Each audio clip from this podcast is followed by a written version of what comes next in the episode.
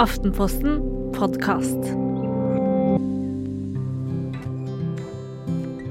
Vi har, blitt møtt mye i dør, og, jeg har blitt korrigert veldig mye av et lite barn for jeg sier feil ord, sier feil plass. Jeg fant en enorm hukommelse. Og så måtte jeg gå med på nei, du har faktisk helt rett. Det er ikke sånn. De begynner veldig tidlig å tenke konsekvens. Den er enormt tidlig ute. Han klatrer bare hvis han ser han kan dette mykt, eller han gjør bare ting han kan kalkulere der han ser det vil gå greit. Og du står jo av som foreldre og nesten lyst til å bare dytte de litt uti det, for kom an, det går sikkert. For det kan andre kan liksom bare gi et lite sånn fint dytt, men da låses det helt av og ikke tale om. Det må skje i de rette tingene, og du må ofte liksom begrunne hvorfor og hva. Og, og, du kan ikke si det ikke er farlig, for det kan ikke du faglig begrunne. Du har ingenting å si at det ikke er farlig med, for det kan ikke du si.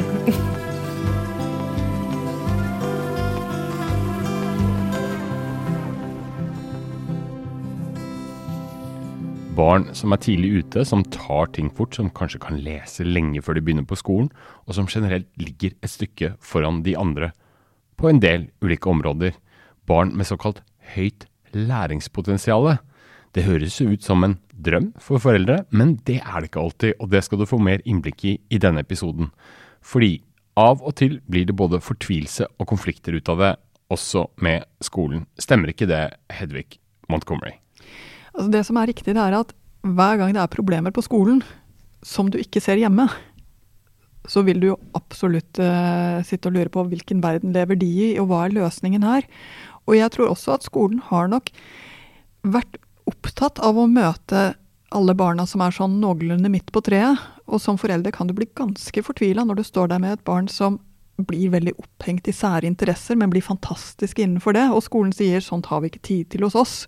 Og så får du en, rett nærmest en diskusjon om hva som skal skje, mer enn om eh, hvordan kan mitt barn trives på skolen. Så det er, en, det er et sted som gjør at man snakker forbi hverandre på et helt uh, utrolig høyt nivå, rett og slett. Mm. For å gå litt tilbake igjen, altså uh, i, i da, før skolen kanskje. Um, fordi at de fleste foreldre vil kanskje tenke at ens eget barn er veldig flink, fordi man ser disse framskrittene hele tiden. Og her om dagen så bygde sønnen min altså det helt fa mest fantastiske byggverket av Cappella-klosser. Altså Han bygde et helt fjell, og disse pinnene sto i alle retningene, og det var altså helt hallelujastemning hjemme, for det var jo så fint. Og da tenkte jeg kanskje han kan bli ingeniør, eller kanskje han blir arkitekt. Han er i hvert fall tidlig ute. Uh, bør jeg bremse min begeistring her? For barn i barnehagealder på ingen måte. Eh, og du ser det overalt. Barnet som klarer å, å telle til ni, og, mor som er så begeistret over fireåringen sier, og det er i hvert fall ikke jeg som har lært han det, han har lært det helt selv.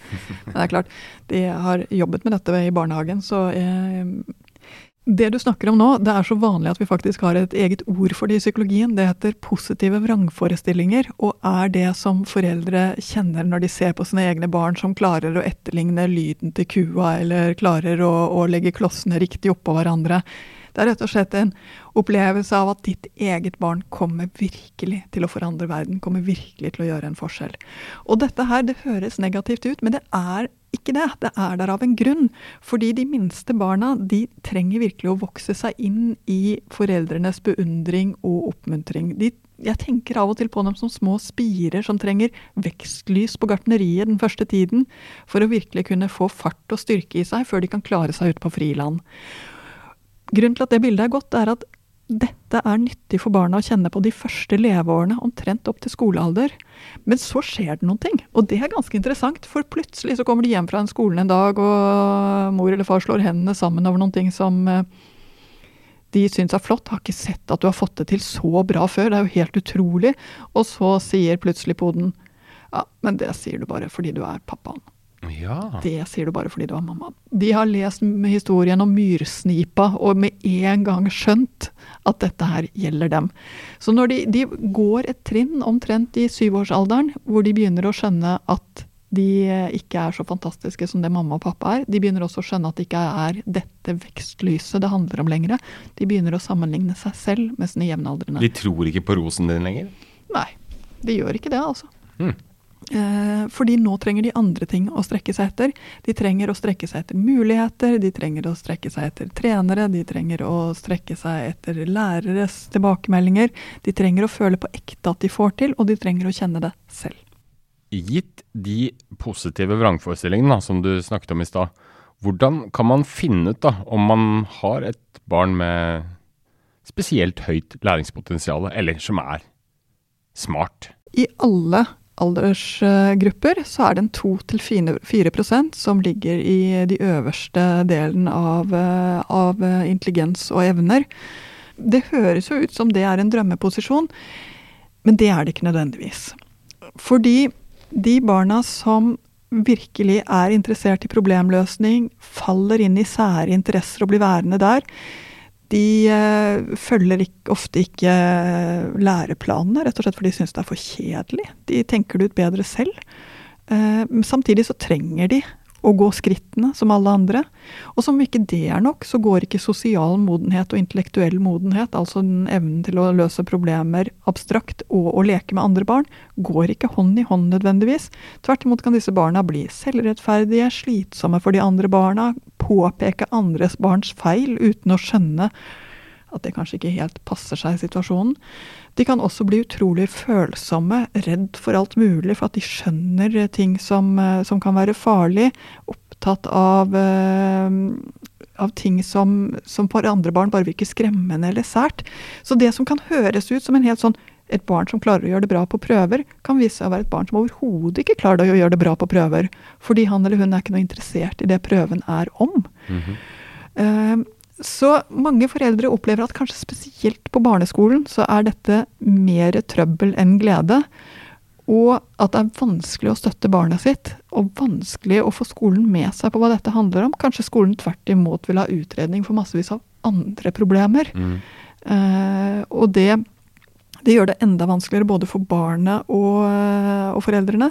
For ikke å snakke om hvor mye barn, mange barn som får mye kjeft på skolen fordi de ikke gjør riktig, ikke sitter riktig, eh, er utålmodige, vil gå videre, kommer med feil kommentarer. Sånn at de nesten føler seg litt mobba i klasserommet, hvis du skjønner. Så jeg ser at det er mye rusk i samarbeidet mellom skole og hjem, kanskje spesielt der hvor barna kommer til å klare seg kjempefint på sikt. Mm. Men akkurat i tredje, fjerde, femte klasse så blir det bare en ulempe.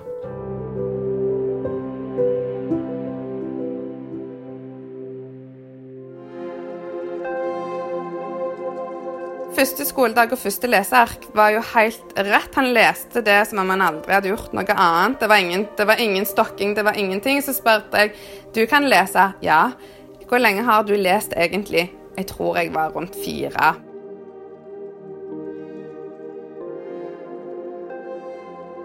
Jeg tenkte I lekseveien tenkte jeg dette her må jo bli helt magisk. Han skjønner jo dette problemet at han så ikke vitsen med lekser. Han så ikke poenget med det. Så det ble en så enorm krig, fordi at jeg måtte si at skolen har en regel, og det at du må gjøre disse leksene. Ja, men jeg har jo gjort akkurat det samme på skolen for noen timer siden. Hvorfor skal jeg sitte og gjøre dette her en gang til? Andre har jo krig med lekser, for all del, og fordi de ikke forstår for. Men her så må de se verdien av ting veldig ofte. Og, da, og det å finne verdien i ting som du skjønner at de ikke er interessert i, den er veldig vanskelig.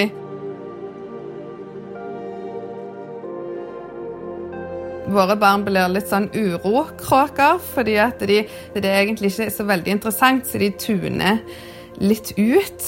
Og så eh, syns læreren at det er veldig slitsomt, for de blir jo et uromoment sånn i, i, klasserommet. Så blir på en måte ikke fokuset på at de ikke får brukt seg sjøl så mye, men det blir mer du er en uro i klassen, du er forstyrrende moment, du springer ut når du blir frustrert. Eh, altså du, du det, Læreren syns det er veldig vanskelig å møte dem, for de vet ikke hvordan. Fordi de andre de reagerer ikke på samme måte som andre barn. Og så blir da fokuset hva gjør vi med denne her utspringingen? Jeg får ikke til å låse opp dette her, du kan ikke komme og hjelpe meg. Hvordan får jeg den til å sitte i ro på stolen sin og høre etter?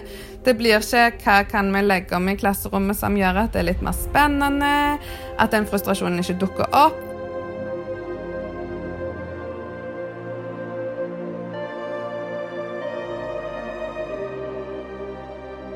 Jeg tror at mine beste råd til foreldre er for det første Du skal virkelig være den som eh, skjønner barnet ditt og, eh, og eh, er hans eller hennes nærmeste. Men det betyr ikke at du vet alt som skjer på skolen, og at din forståelse av hva som går galt på skolen, nødvendigvis stemmer. Så hør ordentlig etter hva lærere og skolen har å si for noen ting. fordi det kan være noen ting som det faktisk er lurt å snakke med barna om. Det kan være at skolen har noen spor som er riktige. Så jeg begynner alltid med det første. Det er hva er det de sier, og hva er det du hører ut av det.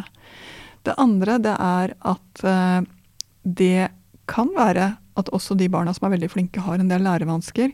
Så en, det å snakke med PP-tjenesten, altså pedagogisk psykologisk tjeneste, kan være en god hjelp, og kanskje er også det å få tatt en evnetest, sånn at man får et svar på om det er der skoen trykker, eller om det er et annet sted, kan absolutt også være lurt å gjøre.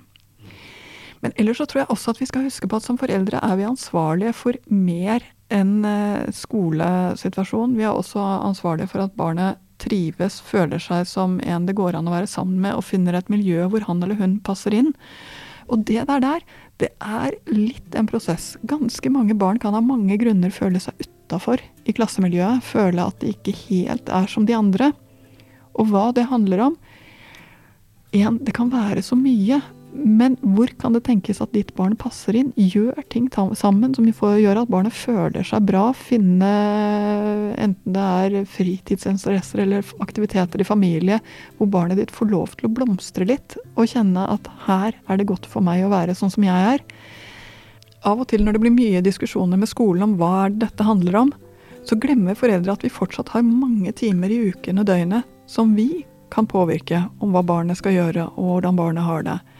Om det er å finne eh, kurs eller aktiviteter som gjør at barnet virkelig får lov til å hvile litt fra det som skjer på skolen, og føle seg vel, så er det en veldig stor hjelp. Så ikke glem at vi er mer enn bare hjem og skole, det vi ser etter for barn i skolealder.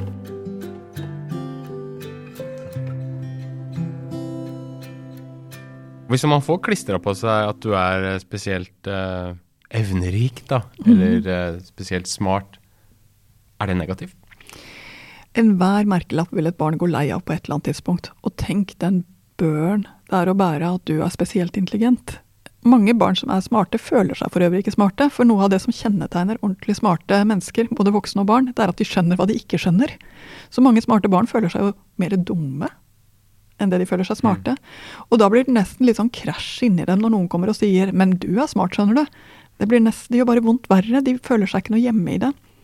Så for meg er merkelappen veldig lite viktig. Det som er viktig, er å finne løsninger som passer for akkurat dette barnet. Hva er det for noe som hjelper?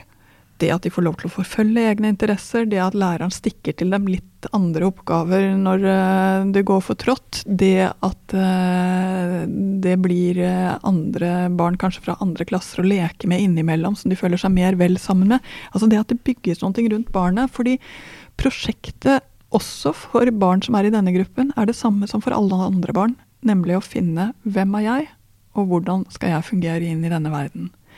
Det å finne seg selv er hovedprosjektet i hele barneskolen, og faktisk også hele ungdomsskolen. Det viktigste er å ikke gjøre dette til en negativ ting, men til en tid hvor de blir mer og mer kjent med seg selv og kjenner mer og mer på at jo, men jeg kan fungere, jeg kan få til. Noe av det som forvirrer oss, er nettopp at vi tror at de smarteste barna skal være de letteste. De smarteste barna er ofte de mest kompliserte, nettopp fordi sosial utvikling og evneutvikling ikke går hånd i hånd. Mm. Du kom med noen, noen, råd til foreldre på en måte om hva de kan gjøre. Hva, men hva vil ditt beste råd være til pedagogene, egentlig, som kan oppleve at de møter en vegg av uh, foreldre som ikke skjønner noen ting, mm. eh, fordi de har aldri vært på skolen og sett hvordan barnet faktisk agerer? Mitt viktigste råd til pedagoger er at det problemet du ser hos et barn, er det alltid et eller annet annet bak. Eh, og som, når vi er så heldige at vi får lov til å jobbe med andres barn, så må vi ha en voldsom respekt for det som ligger bak et problem vi ser, og en stor nysgjerrighet for hva kan dette handle om. Foreldre er aldri motstandere. De er alltid de som har lånt ut dette barnet til oss. i en jobbsammenheng. Og det betyr at vi må møte både barna og foreldrene med ganske stor respekt. Vi får lov til å låne deres liv. Men kollisjon, eh, eller kollisjonstendenser, kan jo også gjelde i litt eh, yngre aldre, altså komme tidlig. Mm. I barnehagen f.eks. Typisk at uh, du selv opplever at du har en blid og fornøyd uh, sønn eller datter, og så plutselig kommer de trekkende med i en eller annen foreldresamtale med at det er atferdsproblemer her, som egentlig ikke du har fått med deg i det hele tatt. Og det, det kan jo komme som en sånn sjokk, nærmest. Ja ja, og det motsatte. At du selv opplever at du har et barn som kollapser, mens i barnehagen så ser de bare en som er blid og søt. Ja. Eh, så, så eh, det er litt grann sånn det er. Vi ser barna i forskjellige situasjoner, og begge blikkene er viktige. Hvis du ser et barn som har det fint, og de ikke ser det i barnehagen, så er det faktisk en viktig ting å snakke om. Hva skjer? Eh, og det er også viktig å være klar over at barnehagen har ikke feil i det de sier, men det er jo noen ting i den situasjonen i barnehagen som er blitt feil. Som foreldre kan vi faktisk forvente at barnehagen er med på å løse det, ikke er å kaste skyld over på deg. Mm, men det er fort gjort å gå i den uh, De er ute etter oss, uh, de tar feil. Fella, er det ikke det? Jo jo, selvfølgelig. Uh, og det er jo Altså hele samfunnet er jo slikt. Man tror jo alltid at det man selv ser er det som er riktig. Eh, men med barn så lever de 24 timer i døgnet, og det vil si at også det som eh, utspiller seg på andre felt, er sant.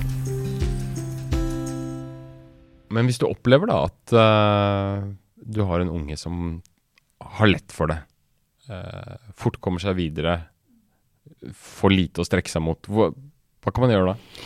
Altså Det ene er å være klar over at hvis du fort skjønner det abstrakte i et regnestykke lenge før du egentlig skulle ha gjort det, ja. så er det å sitte og telle med melkekorker utrolig kjedelig. Mm. Eh, konkreter, som det heter i skoleverdenen. Ja, Forferdelige ord. Ja, det er fryktelige ord. Eh, men eh, jeg skjønner jo hva de mener. ja, men hvis de, hvis Istedenfor å si konkreter, så kan de si konkret hva den tingen er, da. Ja, og da er det melkekorker. Eh, så, så, da vil de rett og slett eh, kanskje bli utålmodige, bli vanskelige når de sitter der og holder på med melkekorkene. Som foreldre er faktisk det første du kan si. Der, vet du hva, det å holde på med melkekorker er en del av det å gå på skolen. Det er kanskje ikke kjempespennende, men det holder dere på en del på med. Men vet du hva, vi kan løse massevis av andre stykker ellers. Så finn eh, muligheter for barnet til å bruke de mer abstrakte evnene sine på en fin måte utenfor skolen. Og det kan du gjøre gjennom å f.eks. Uh, introdusere for mer avanserte uh, datating, som programmering og, uh, og ting som koding, som barna kan ganske mm. tidlig interessere seg for, og som også er litt kult. Mm. Det kan være musikk. Musikk er et fantastisk sted for hjernen å få lov til å utvikle seg og, og virkelig sprenge grenser. Det å skjønne systemet med noter og, eh, og samspill eh, er uendelig. Det er en oppgave som aldri tar slutt. Så det er et sted hvor mange barn som eh, kan litt mer, finner seg godt til rette. Det samme med tegning og kunst. Rett og slett disse fagene hvor, hvor barna får lov til å uttrykke seg på sitt nivå uten at det blir sett på ned som negativt. Der kan de finne en veldig veldig stor glede og, og en pause fra det å, å, skulle tilpasse seg så mye. Så let etter rett og slett miljøer og aktiviteter hvor det å vokse seg til, hvor det er plass for å vokse seg til med disse evnene og sånn som barnet er. Og let gjerne utenfor kanskje det du selv har gjort som barn, for det kan være andre ting enn det du selv gjorde som barn. En annen ting som er med, med intelligente barn, som jeg syns er ganske interessant, det er at vi har jo alltid sagt at alle barn er gode på noe, men det viser seg at det stemmer nok ikke helt. Men noen veldig få barn er gode på nesten alt. Og det kan nesten gjøre dem litt rastløse, fordi at de kan jo hoppe fra felt til felt. Eh, og da blir de aldri ordentlig gode på noe allikevel. Så det å eh, finne et sted hvor de faktisk kan opprettholde litt eh, utholdenhet og, og, og bli ordentlig gode, er også en del av det. Og så tror jeg vel også, jeg må helt ærlig med å si, at det er litt en venteetappe barn som er skikkelig smarte, kommer det til å gå bra med hvis de slipper å bli sett på som et problem og låst fast som et problem opp gjennom hele barneskolen. Så det å gjøre denne tiden her til noe fint, er egentlig den viktigste foreldreoppgaven du har. Og så skal man kanskje vokte seg for det snakket om den andre parten hjemme, da.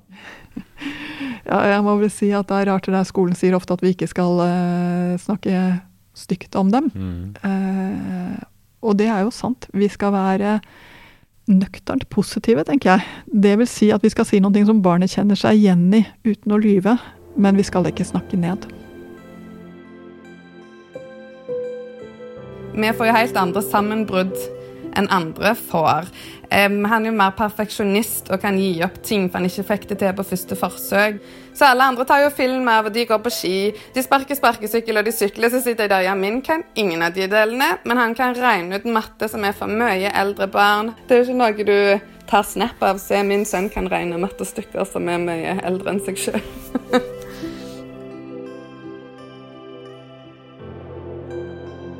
Jeg har jo et bilde som jeg alltid ser for meg som er Lisa Isaito som har malt et sånn en puttekasse, og så står alle de firkanta ungene klar til å bli stappet oppi, og så står det et barn som en annen form og gruer seg til den liksom skal bli trødd oppi.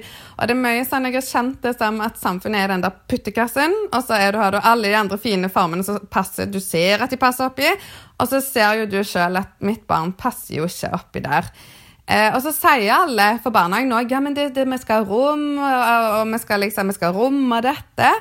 Men du føler jo ikke det likevel. Du, du føler liksom at vi presser de litt til, så passer de kanskje litt bedre. Vi bare dytter litt til, og så dytter vi litt sånn, og så dytter vi litt sånn, så passer de. Og da har jeg kjent så mange ganger kan ikke han få være den han er, uten at vi må trykke han inn i den formen. Eh, bare at vi trenger å ha forståelse for at vi alle er forskjellige. Han for de andre, og de andre for han at det har vært så vondt med at jeg føler at det er så voldsomt. Vi bør helst være den formen.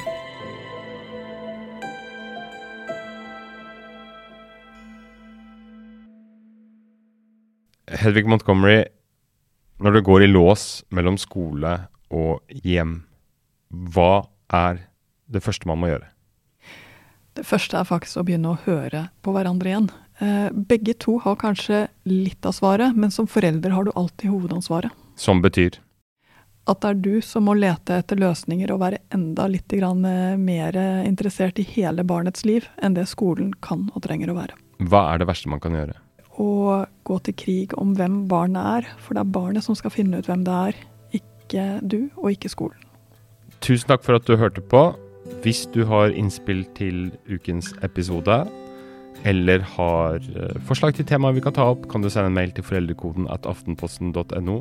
Eller så har vi en eh, Facebook-gruppe som er stor og tallrik, og der foregår mange fine diskusjoner om ulike aspekter ved barneoppdragelse. Ha det bra.